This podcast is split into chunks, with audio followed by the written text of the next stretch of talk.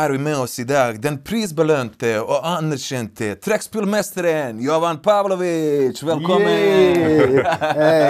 Ciao. Tusen takk. Du, vi er jo veldig imponert over at du har vært eh, fylkeskunstner i Sør-Trøndelag i 2010. Du var fjorårets eh, bykunstner i Trondheim, men det vi er aller mest imponert over at Du er faktisk jugoslavisk mester i trekkspill tre ganger. Oi! Ja, så du har eh, faktisk lest litt om det? Absolutt? Ok. absolutt. Gjort en research. Ja, ja. Ja, men det, ja, det er sant. Begynner å bli en stund siden. Um, når jeg var, hva var Hvor gammel var jeg da? 12 12-13 år, ja.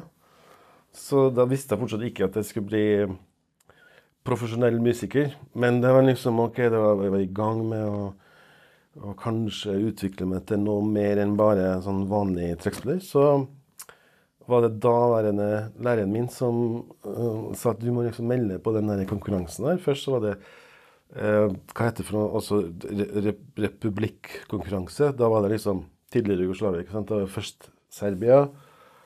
Så hvis du var blant tre beste i Serbia, så kunne du gå øh, videre til jugoslavisk konkurranse, hvor det var liksom trekkspillere fra hele det tidligere Jugoslavia. Og da husker jeg det var i Dubrovnik i Kroatia, og da vant jeg det første gang. Klassisk musikk, som 12- eller 13-åring og sånt. Og så var det to ganger til. Wow, men, men det var, det, var klass, det var klassisk musikk, og det er liksom um, det jeg er egentlig utdanna for. Klassisk ja. trekkspill. Ja, for trekkspill er jo veldig stort i Jugoslavia. Ja. Og, det er det. Men hva vil du si er størst i forhold til trekkspill? Og så er jo trompet også veldig stort, i, særlig i Serbia. Hva vil du si Ja. er noen av de største instrumentene? Uh, nå er det litt sånn at, uh, at både trekkspill og Eller trekkspill var kanskje det største, eller, på en måte mest Hva skal man si anerkjent, eller sånn derre At uh, folk klarte å forbinde et instrument med Jugoslavia. Hvis det var sånn, så var det kanskje trekkspill. Men nå er det sånn at i og med folkemusikk er lite i bruk pga. Uh, syntene og alt det der som ofte brukes når det, uh, når det er bryllup og sånn. Liksom de har uh, klart å minske eh, alle band. Før var det liksom seksmannsorkester som spilte med to trekkspillere. Nå er det bare keyboard og en mann som synger. Eller dame. Og veldig mye ekko. Ja. Ja, ja, Minn meg på den, det skal jeg fortelle deg etterpå om det der. En historie om, eh, om klang. Eh, men i hvert fall så er det trompet er jo mer sånn eh, Sør-Serbia og Makedonia. For det er jo sånn brassorkester, ikke sant. Eh, Det, det er det fortsatt mye av. Det var det begynte for 30 år siden med Boban Markovic og de her eh, sigøynerbrassband fra, fra Serbia. Nå det, det er jo fortsatt mye av det, men det er kanskje Det er jo litt sånn Tiden forandrer seg. Nå er det det, ja, det er ikke så mye trekkspill. Ikke så mye Trompet er det fortsatt, ja. Så det er kanskje svaret er trompet. Men det skal jeg fortelle. Eh, eh, klang. Ekko, ekko, ekko. ekko. Husker jeg var um, som em, Altså Før jeg kom til Norge, så var jeg veldig interessert i å lære folkemusikk. Så jeg var ofte eh, var og hørte på mm, kule folkemusikere som, som spilte i bryllup og sånn her, for å liksom lære meg noen triks og sånn. Og da var jeg og, og lytta på dem. Det var noen kompiser av meg som allerede begynte å bli kjent. eh, og spilte bryllup, eh, alle sånne eh, bursdager og store fester og sånn. Og da satt jeg og hørte på en keyboardist som spilte. Men det var så sinnssykt mye klang.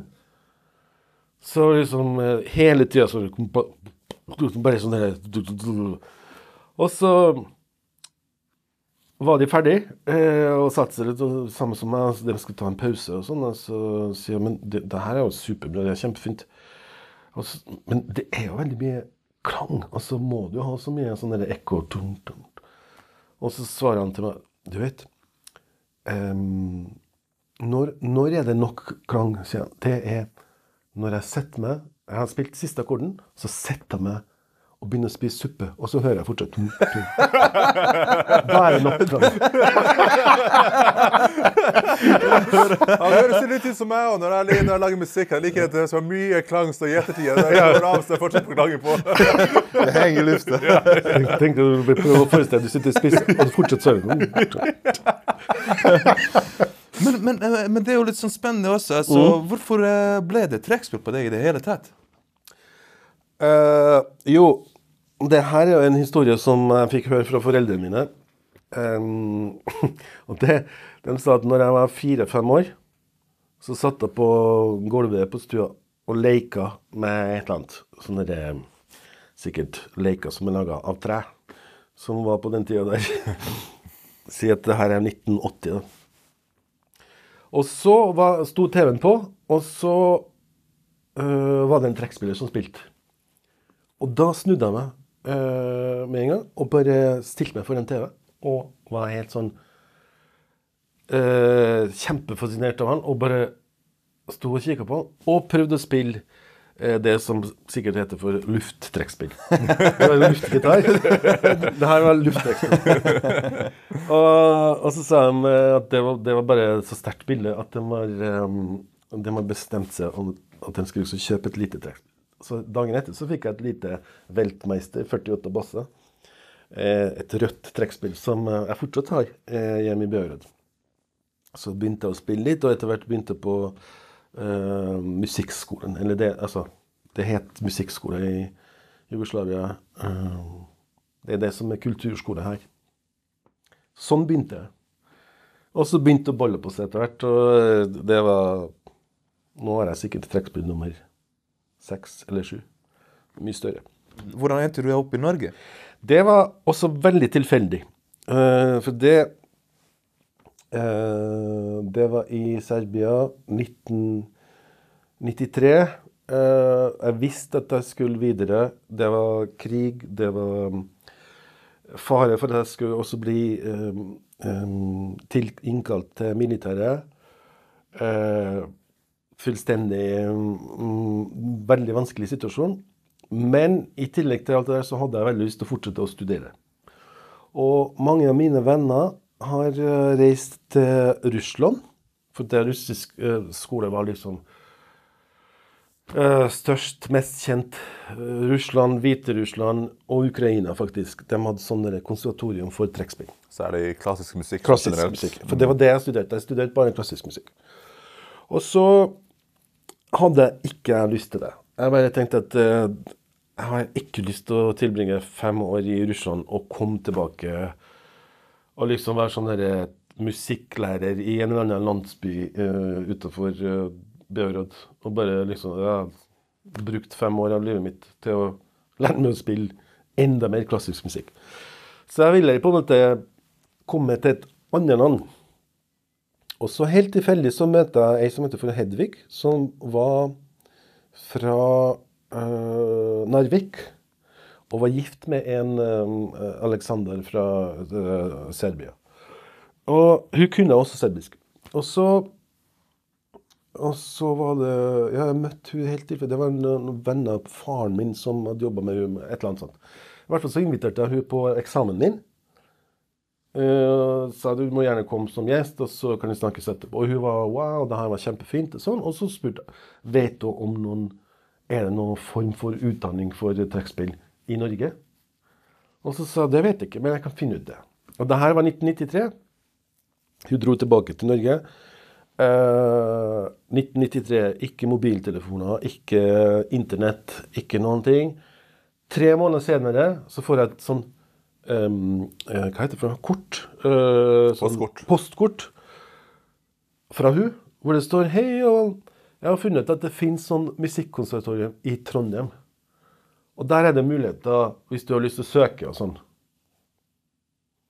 Og så har du også sendt en sånn katalog fra konservatoriet i Trondheim med bilder av Trondheimssolistene og alt det. der. har jeg fortsatt igjen. Det var veldig morsomt. Og så søkte jeg eh, Eller jeg fylte ut sånn søknadsskjema.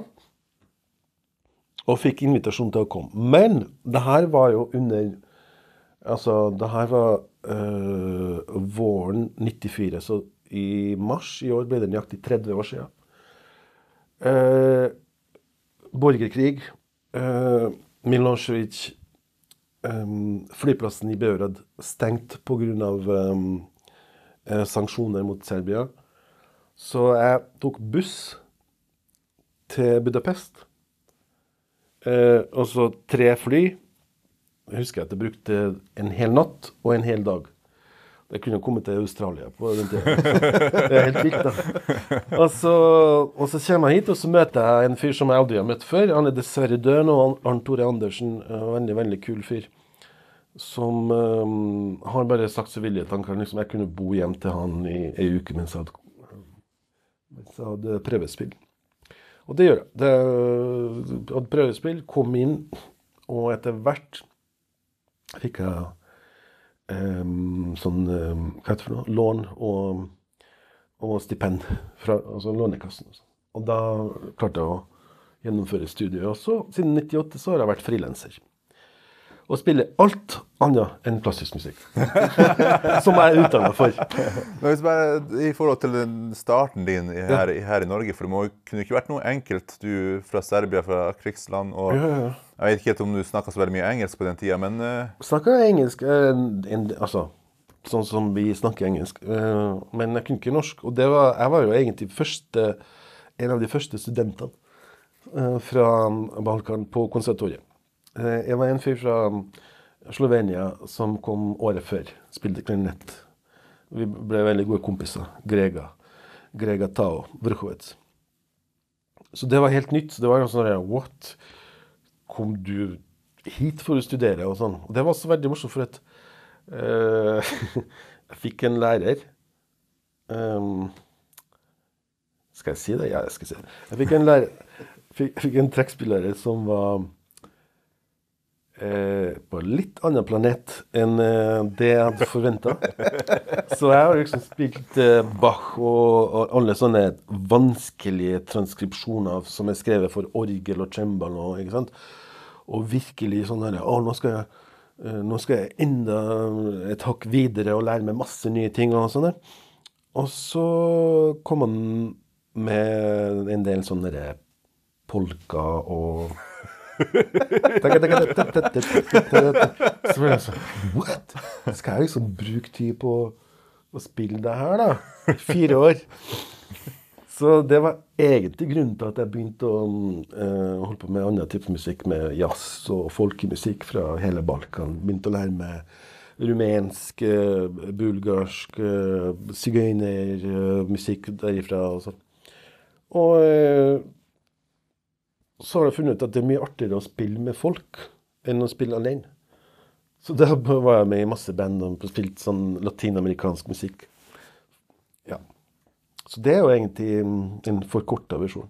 Men du starta jo da også eh, Du var kanskje også en eh, pioner innenfor eh, world music-segmentet, fordi du starta jo annet bandet, kjente Trondheims bandet, Bangalore. Ja, det er sant.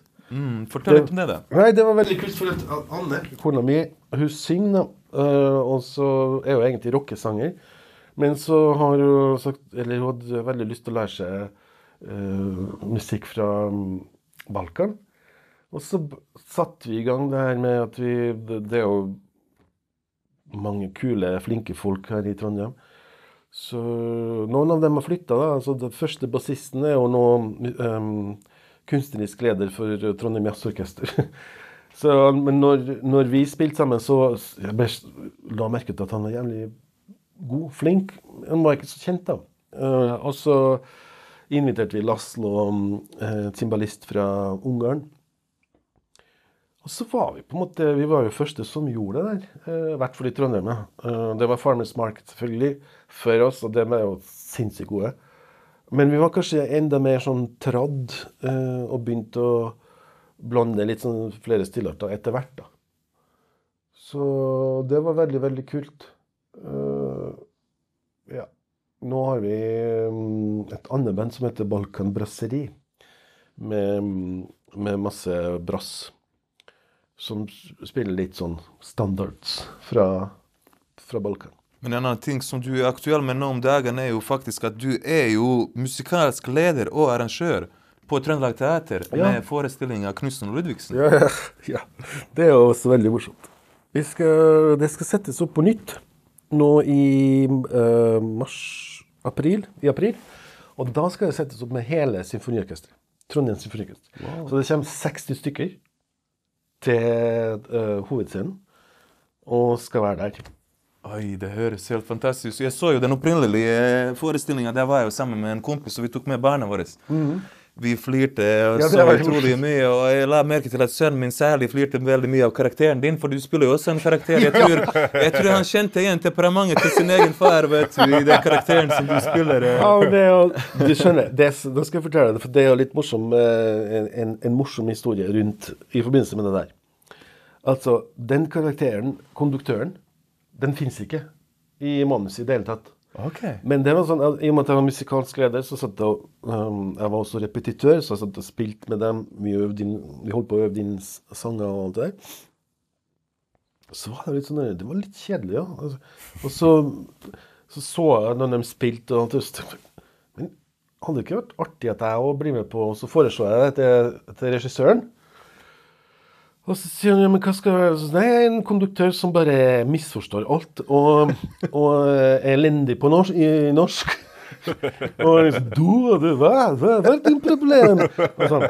og så For jeg kosa meg sinnssykt med det der. Og så fikk jeg selvfølgelig eh, masse sånn eh, tommel opp fra um, andre skuespillere som syntes det var veldig morsomt. Så, så alle de scenene som dukka opp eh, under er faktisk noe som vi fant på der. Det er jo ikke noe Freestyler vi, rett og slett. ja, ja. ja. Så det, vi, vi liksom det frem, og så ble, og så ble det en scene som, som satte seg på en måte og uh, var liksom grønt lys fra, ja, fra regissøren. og sånn.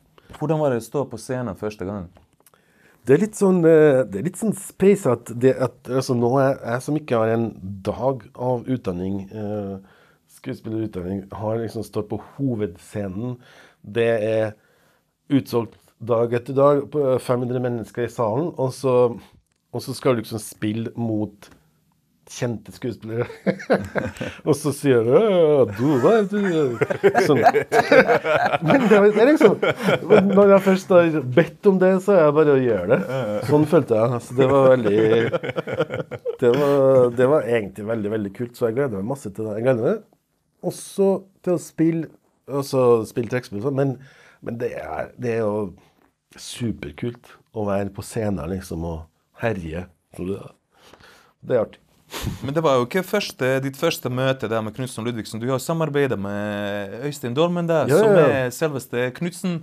Vi har et samarbeid. Vi, vi har jo et band som heter For to små bulgarere. Eh, som er hans, egentlig hans oppfinnelse. Vi har nettopp spilt nå på eh, nyttårskonsert i Olavshallen med hele symfoniorkesteret.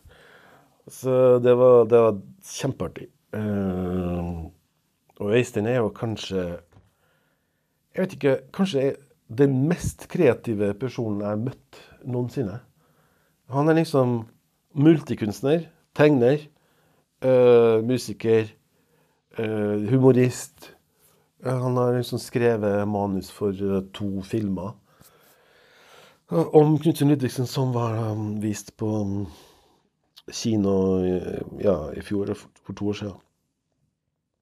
Eh, vanvittig bra fyr, og utrolig inspirerende å jobbe med han. Og så er han liksom Det er ingen som skjønner at han er 77 år. Oppfører seg Han er mye mer barnslig enn meg. Han oppfører seg som eh, ja, 17-åring, kanskje.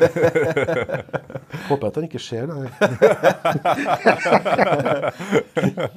Du, har jo, altså, du var jo først med på ca. 30 skiver før du endelig ga ut ditt uh, Nesten 30 skiver, i hvert Ja. fall. Før du endelig ga ut din første soloskive. Var det vel i fjor? Du ga ut din Det var- første Forrige fjor, kanskje? Ja, det var for to år siden. Ja? Eller uh, 2022. Hvorfor ble det så lang tid før vi fikk første soloskive med deg, og, og hvordan var det endelig Altså, ut noe? det høres kanskje litt sånn rart ut, men jeg hadde egentlig ikke nok uh, sjøltillit til å gjøre det, rett og slett. Jeg bare følte at det, liksom- nei, det er jo ikke, nå er jeg ikke klar til det der. Så det var, og ja, det var, jeg syns det var veldig, veldig skummelt. Men det som skjedde eh, eh, For to år siden Det som egentlig Grunnen til at jeg liksom, fikk nok mot til å gjøre det her, var korona. Tro meg eller ikke. For, for meg så var det egentlig veldig bra. For at jeg fikk stipend fra mm, Trondheim kommune, og bykunstnerstipend. Eh, og selv om det ikke var noen spillejobber, så var jeg liksom OK, det går greit økonomisk.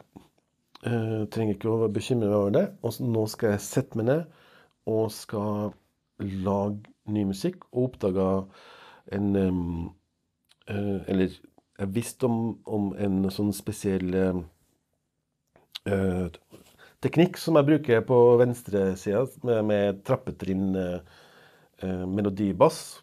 Sånn heter det på musikkspråket. Eh, som er egentlig ingen andre Eller som brukes mye innenfor klassisk musikk, men ikke innenfor annen type musikk. Så da tenkte jeg OK, det her skal jeg utvikle. Så jeg satt og øvde i ett år. Laga nye noter. Og så fikk jeg støtte fra Norsk kulturråd til å spille inn plate. Spilte inn plate og ga ut det der. Og det var litt sånn en slags uh, liten revolusjon innenfor trekkspillmusikk. Så det er jeg superfornøyd.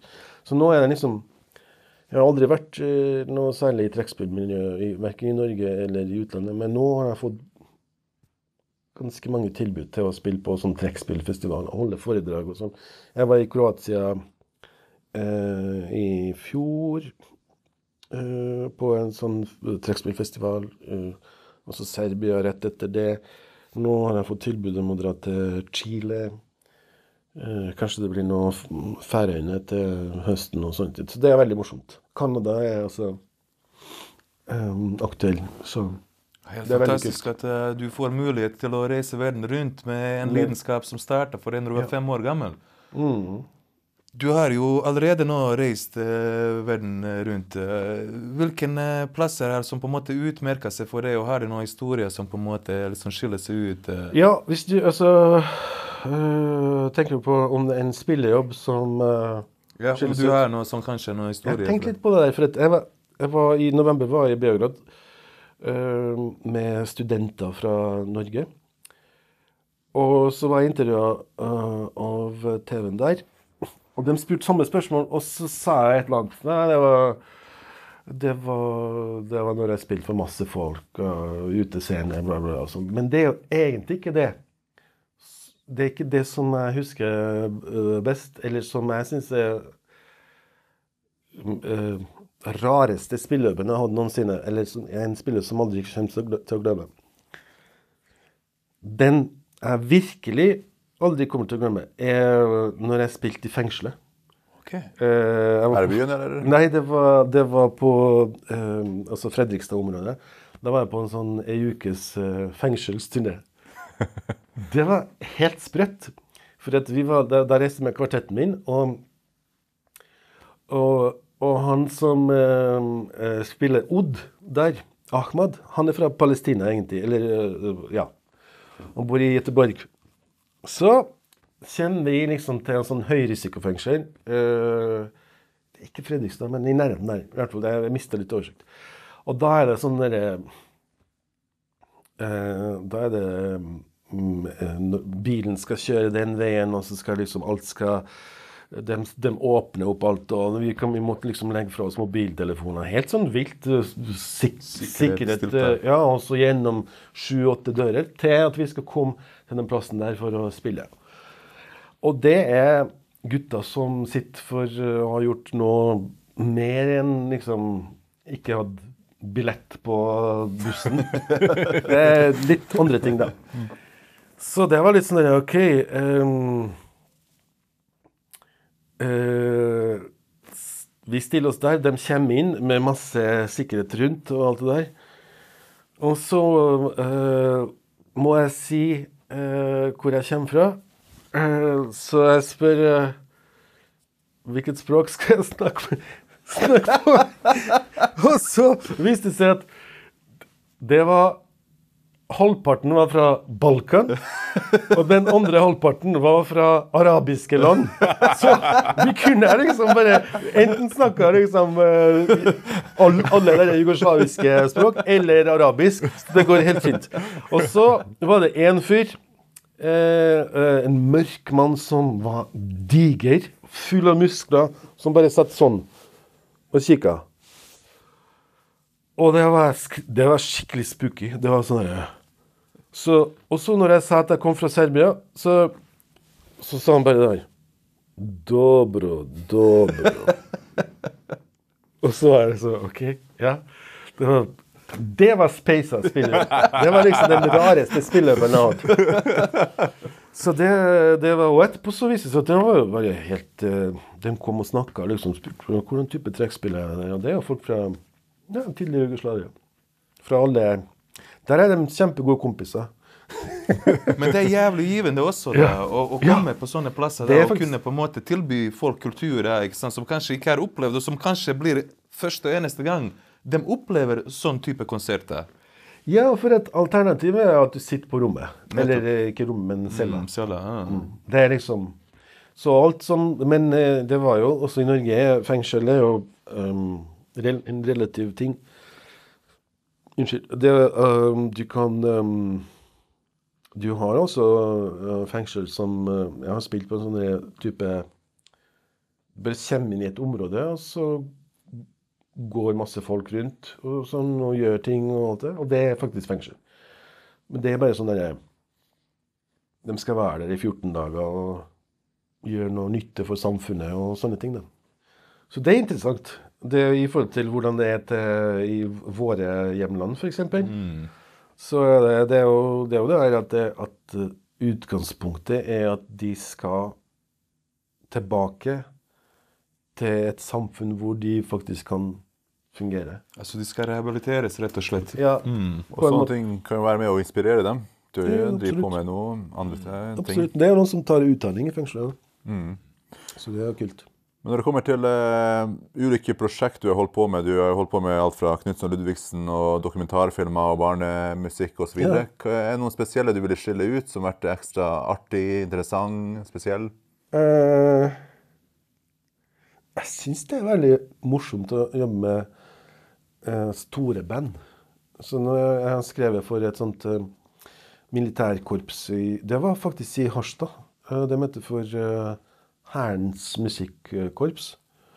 Uh, og det var med trioen min. Da var det liksom Det var superkult at det liksom arrer musikk, min musikk for så mange folk. Og så spille konsert, uh, eller flere konserter. Det gjorde jeg også her med Luftforsvarets korps. Det, jeg syns det er liksom det som ofte er artigst. At, at du må liksom forholde deg til veldig mange folk og bli utfordra til å Ja. Men det er klart at altså Hvis prosjektet er bra, så kan man spille med én person til. Og mm, så kan det bety masse. Uh, musikalsk og kunstnerisk. Et prosjekt som har eh, inkludert eh, ganske mange folk, og som du har fått eh, veldig mye oppmerksomhet for, ikke bare her lokalt, men også i Serbia, hjemlandet ditt, er jo selvfølgelig det med Svartlamoen Hardcore. Ja. Det må vi ta opp. ja, det var veldig morsomt. Herregud, det var jo supermorsomt.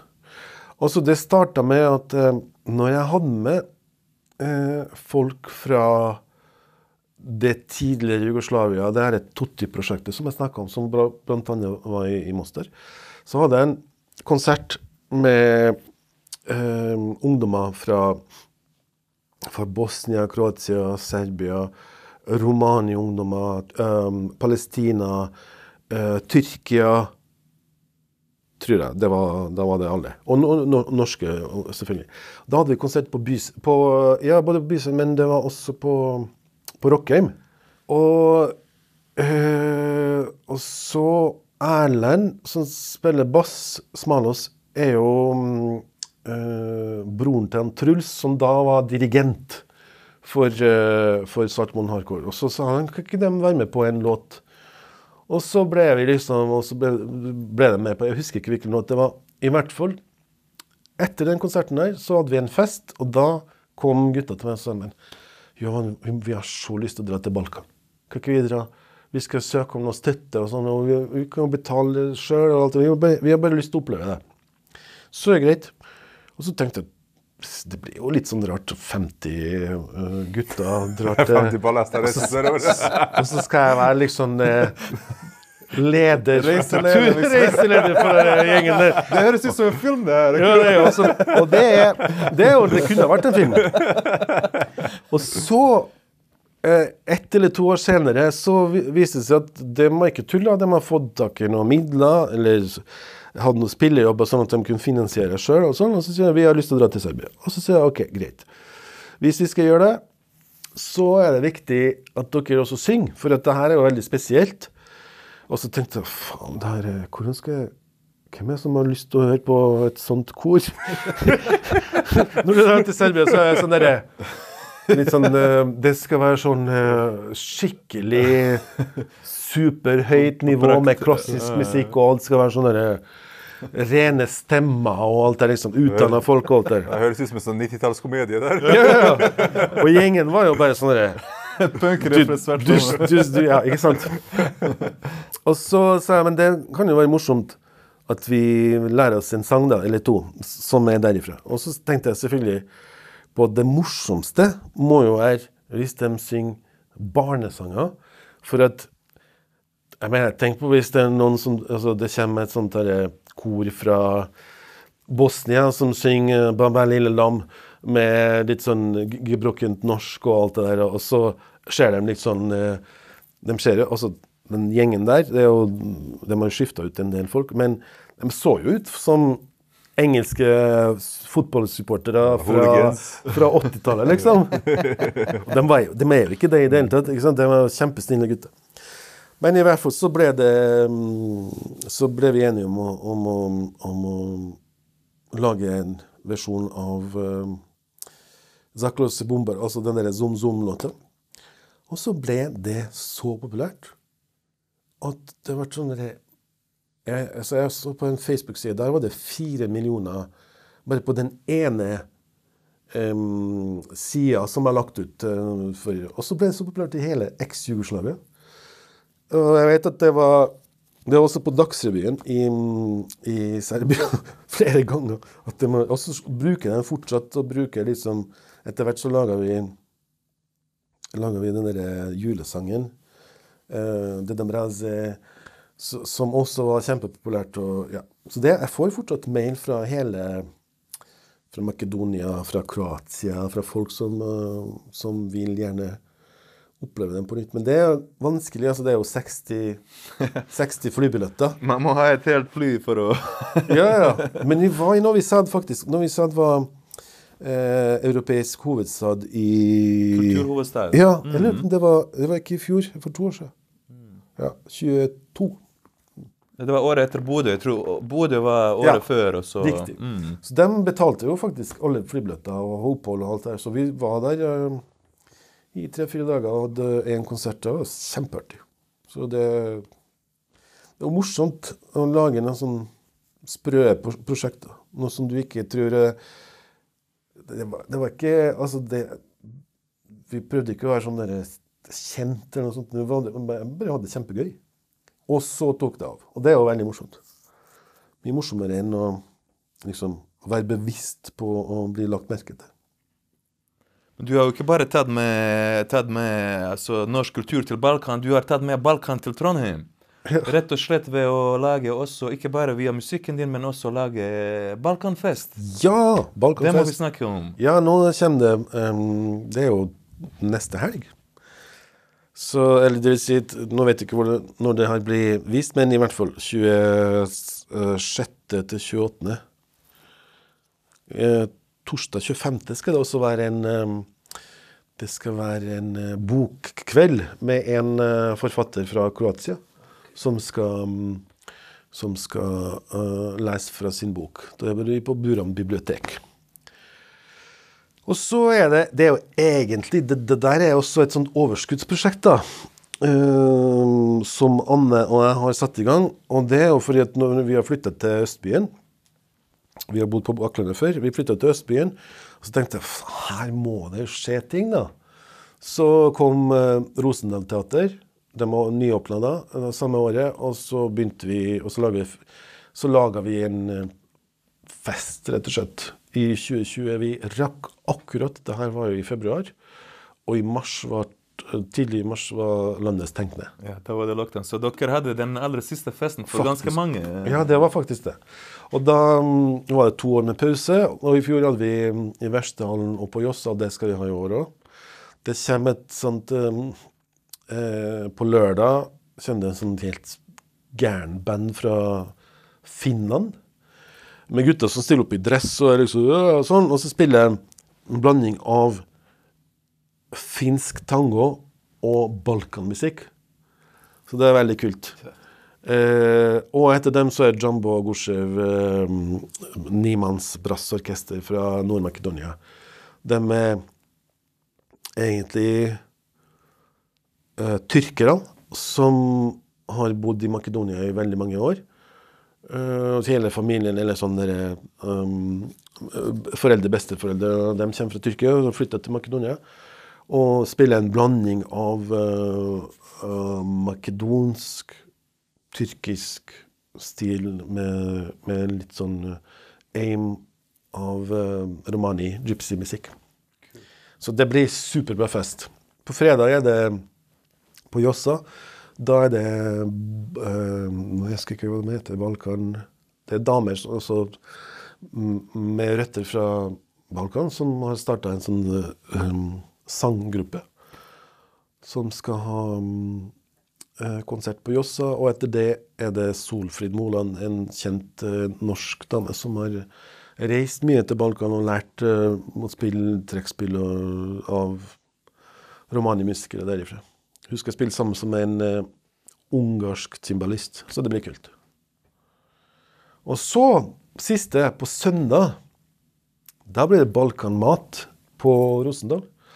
To unge gutter uh, fra Kroatia som er kokker. Uh, som har veldig lyst til liksom å Uh, vise trønderne hvordan uh, balkansk mat liksom kan være. De fleste vet jo liksom om cevapi og sånn, fleskvitsa. Men jeg tror de har lyst til å liksom lage det mer sånn et eller annet sånn eh, mat som kanskje ikke er så kjent, men som eh, er supergodt. Og det er jo helt eh, supert dere eh, får eh, balkansk kultur til Trondheim, og da særlig til Østbyen. Men hvorfor har det blitt Trondheim nå i nesten 30 år? Hva er som? Ja, hva er det som på en måte spesielt har dratt deg til at du ikke har flytta herfra, men at du blitt her, her, værende her i byen? Nei, altså, vi, det er jo Jeg er jo gift og har to barn uh, her. Uh, og så er det litt sånn Det er fortsatt uh, Det er jo en ganske normal by. Ja, I Trondheim så er det sånn at du det, det er jo trygt. Det er, veldig, det er veldig godt å være i en by som ikke er altfor stor. Og uh, her trenger du ikke å late som at du er liksom uh, så At du må gå liksom med solbriller eller liksom. Uansett hvor kjent man er som også, Du treffer jo Åge Aleksandersen på gata. og uh, um, Hva heter det for noe? Ikke borgermester, men en, um, altså, kjente politikere. Alt det. Altså, Trondheim er jo en, eh, en stor landsby, egentlig. Og det er ganske kult. Eh, Det er klart For karrieren så, så kunne det vært eh, bedre å reise til, til Oslo. Men eh, hvorfor skal man ha en veldig sånn stor karriere? Man kan jo bare ha det fint og gøy. Det er liksom det jeg tenker. Og, det, og, og, og bare være sammen med kule folk. Sånn, sånn jeg har tenkt på det før, at det, kanskje ja, det hadde vært kanskje bedre for karrieren å flytte til. Men det er jo mer enn bra nok sånn som det er. Jeg er enig, jeg er veldig, veldig glad i Trondheim og har blitt værende her nå i ganske mange år. Nettopp annet pga. de tingene som du eh, sier. Rolig, fin by, som du sier, en stor landsby. Ting som, det skjer jo ting her i byen òg, selv om det, mange ting. på en måte tenker at Oslo der skjer mye mer. Men her har vi bl.a. ulike festivaler og alt fra håndball-EM for gutter og jenter Mm. og alt mulig slags ting skjer her i byen. Så eh, Trond- Trondheim er litt undervurdert, føler jeg, blant mange, blant mange Ja. folk. Ja, det du sier med at vi er en stor landsby, gjør også at vi er kanskje litt mer sammensveisa òg. Og at man finner også den her potpurrien av alle de her ulike stiler og sjangere, sånn at du også med din klassiske bakgrunn kan samarbeide med uh, punkergutta fra Svartlamoen og så eh, Øystein Dolmen, ikke sant, og ha, blande inn. Altså rett og slett være en ressurs her også. Men en ting som du oppdaga her i Trondheim, var jo jazzene. Og nå har du jo på en måte hatt eh, full circle med å åpne en eh, jazzakademi i Novi Sad. Ja, det uh, Det der er ikke helt på plass ennå. Det, det, det er jo fortsatt forhandlinger og sånn. Men, det, men eh, det, som, det som er litt morsomt da med uh, jazzlinja her Jeg har egentlig hatt veldig lyst til å studere jazz. Uh, så når jeg kom til Norge og begynte med klassisk, så ble jeg kjent med jazzgutta, og den var dritkul. Og den bare hang rundt og festa og spilte jazz, og var liksom wow. Det var liksom Oi, jazz. Er det mulig? Hvordan kan man lære seg det der? Altså? Ja, det finnes jazzkonservatorium. Så vi gikk samtidig. Eh, det er liksom samme bygget, da. I noen fag har vi sammen og alt det. Og så prøvde jeg å lære meg det sjøl, og så søkte jeg på jazzlinja og kom ikke inn. Og så var jeg sånn Faen, jeg må bare lære meg eh, på nytt, og så skal jeg liksom være klar til neste år. Opptaksprøve til neste år. Søkte jeg på nytt året etter, og så kom jeg ikke. Og så var jeg skikkelig sånn Faen, det går ikke an. Jeg skal inn på jazzlinja. Øvd som faen i ett år til. Søkt. Og kom ikke inn. Dæven. Jeg kom aldri inn. Tre forsøk. Tre forsøk, kom aldri inn. Og så tenkte jeg faen, orker ikke. Så nå, og, så, og så begynte jeg å holde på med mine ting. Ti år senere får jeg telefon fra eh, leder for jazzlinja. Du, har du lyst til å undervise på jazzlinja? så nå, nå er jeg timelærer. For, og det er veldig morsomt. Jeg har ikke en dag av eh, det er også veldig kult da, at, eh, at man ikke behøver å å, å, å studere jazz offisielt for at du, må, for at du skal liksom uh, kunne spille det. Så det var veldig kult, for at eh, det er jo Det er jo egentlig det miljøet som er viktigst. For at eh, når du skal samarbeide med en jazzmusiker Du spør ikke hvilken skole har du gått på, men hvem har du spilt med? For det er jo det som på en måte er CV-en, ikke sant? Så det er veldig kult. Så jeg prøver jo å lage sånne connections med, med musikere fra Balkan og Norge hele tida. Liksom. Eh, og det var også et, et prosjekt Et prosjekt var liksom å åpne jazzlinja i Noisad. Nå har jeg ikke så mye med det å gjøre, men jeg tror det er, det er på vei. Så det er veldig kult. Alt som kan utnyttes til noe bedre eh, og utvikle seg, det syns jeg er superkult. Så etter eh, så mange år med, med musikk og lang karriere, hva er du foreløpig, for det blir mange år til, foreløpig mest stolt av i løpet av karrieren din? Um, kanskje mest stolt over å ikke ha gitt opp som frilanser. For det, som frilansermusiker så opplever du selvfølgelig ups and downs hele tida. Og sånn er det bare. Noen ganger er det enormt mye å gjøre. Noen ganger er det så lite at du begynner å lure på faen, skal jeg kanskje, kanskje jeg må finne meg en fast jobb. Heldigvis har jeg aldri hatt fast jobb. og, eh, og jeg håper at jeg slipper det ja, du aldri har i fremtida. Så det er jo liksom det, det Jeg vil si det at, det, at, liksom at man klarer å øh, Å være i den prosessen Nå når jeg, Altså siden 98. Hvor mange år? 30, 20 Hva blir det, da? Uh, 26 år? 26 år, ja. Ja. Mm. Så det er ganske lenge. Og da håper jeg bare at, at jeg kan Det kan være sånn, for det er jo liksom det, du, du ser jo at uh, kultur generelt er et felt hvor det konstant mangler penger, og hver gang når det er krise, eh, global krise, så er det alltid Først så blir det kutta eh, av den delen som skal liksom støtte utvikling av kultur. Så det er jo alltid sånn utfordrende, og det kommer, og jeg som musiker må jo alltid utvikle meg, finne på nye prosjekter, morsomme som eh, er bra for meg, og, men, også, men også som blir eh, lagt merke til av andre for å igjen kunne ha spillejobber og sånn. Så ja. Det er jo liksom Jeg syns det mm, at jeg, jeg, jeg er egentlig veldig privilegert, rett og slett.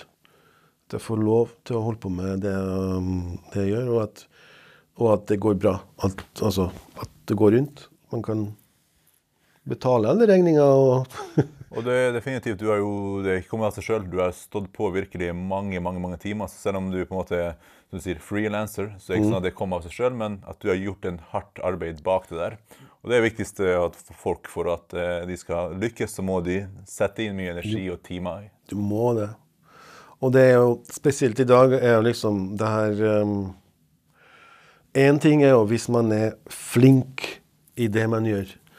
Men det hjelper jo ingenting hvis, hvis du ikke blir lagt merke til av dem som er utafor det rommet her. ikke sant? Du kan jo ha eh, Det er jo helt sikkert mange musikere som er dritflinke til å spille, men de er jo flinke til å spille innafor fire vegger.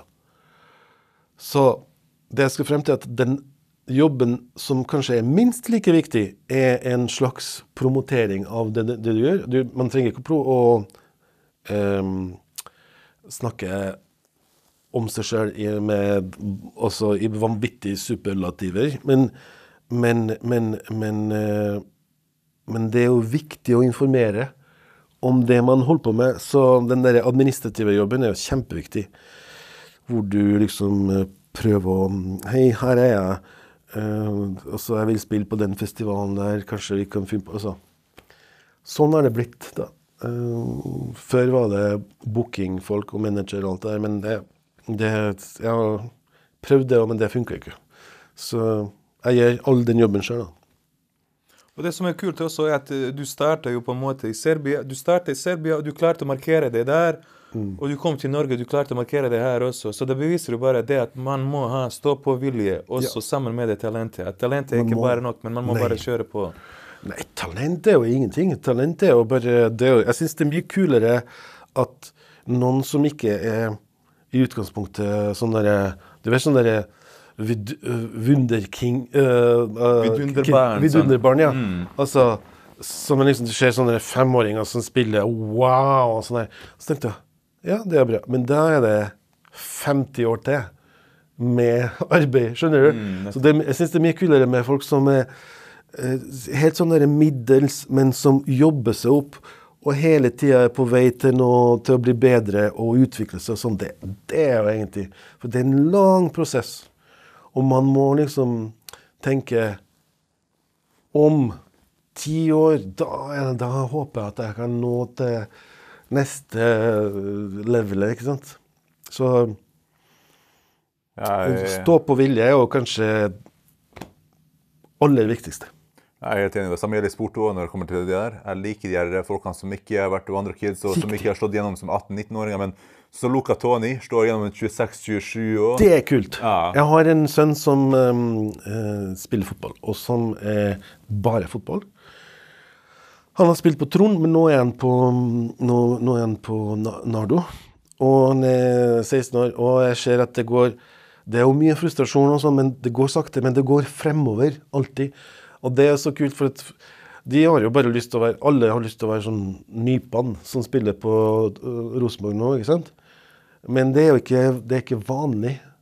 Det som er vanlig, er at du må liksom kjenne motstand. Du må, du må liksom hele tida Altså, du skal opp, men den, den veien til å komme seg dit er jo ganske Det Det er jo, det er jo, det er jo mange Bratt av de bakke. Ja, ja. Det er jo mange av de som når de først har kjent motstand, og de har utvikla seg og blitt bedre. Sånn som blant annet Ødegaard. Han kom jo til Real Madrid i alder av 15-16. Men han først fikk motstand og måtte på utlån til ulike klubber i Nederland osv., det Det er da da. han virkelig ble god og dro til Arsenal og var kaptein og de beste spillerne i England. Det er også sånn med musikk. Altså. Det er jo, jeg syns det, det, det er en lang prosess hvor du stadig er på jakt etter noe nytt, og stadig Altså, du må grave. Du må grave hele tida for å komme eh, et sted som du ikke vet hvor det er i det hele tatt. Lage musikk. Noen ganger så lager en en låt som ikke «Ja, Det er ikke så veldig bra, men så lager en neste som er bedre.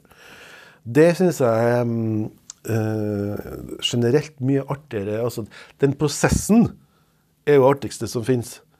Produktet er jo bare Da er det, da er det ferdig.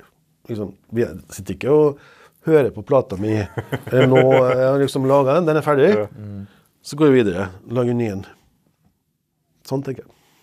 Når er du fornøyd? da? Når føler du at du er sånn fornøyd med Jeg, jeg, jeg er egentlig fornøyd med Jeg jeg er jo fornøyd eh, med, med produktet òg, men jeg bare tenker på at OK, da er det produktet Jeg tenker at eh, alt av eh, eh, innspilte eh, plater og alle album og sånn, det er en sånn slags dokumentasjon. Her, det her har jeg gjort, og sånn. Men det er jo bare for å Det er en sånn derre visittkort, ikke sant. Men jeg skal videre. Jeg skal liksom lage noe nytt og sånn. Så jeg er jo fornøyd så lenge jeg er i en uh, utvikling. I en prosess hvor jeg liksom er i en utvikling. Da er jeg superfornøyd. Og så hva som kommer ut av det, det, det er jo relativt. Men du er liksom på vei et eller annet sted. Det syns jeg er kult. Og det her er kjempefine ord å avslutte med. Folkens, stå på videre. Og Johan, tusen hjertelig takk for at du kom til oss. Vi er Tusen takk. at, eh, Tusen takk. Du Tusen kom hit. Tusen takk for invitasjonen. Tusen hjertelig takk til alle dere som har fulgt med oss. Følg med oss videre, folkens. Abonner på oss på YouTube. Følg med oss. Peace out, party people!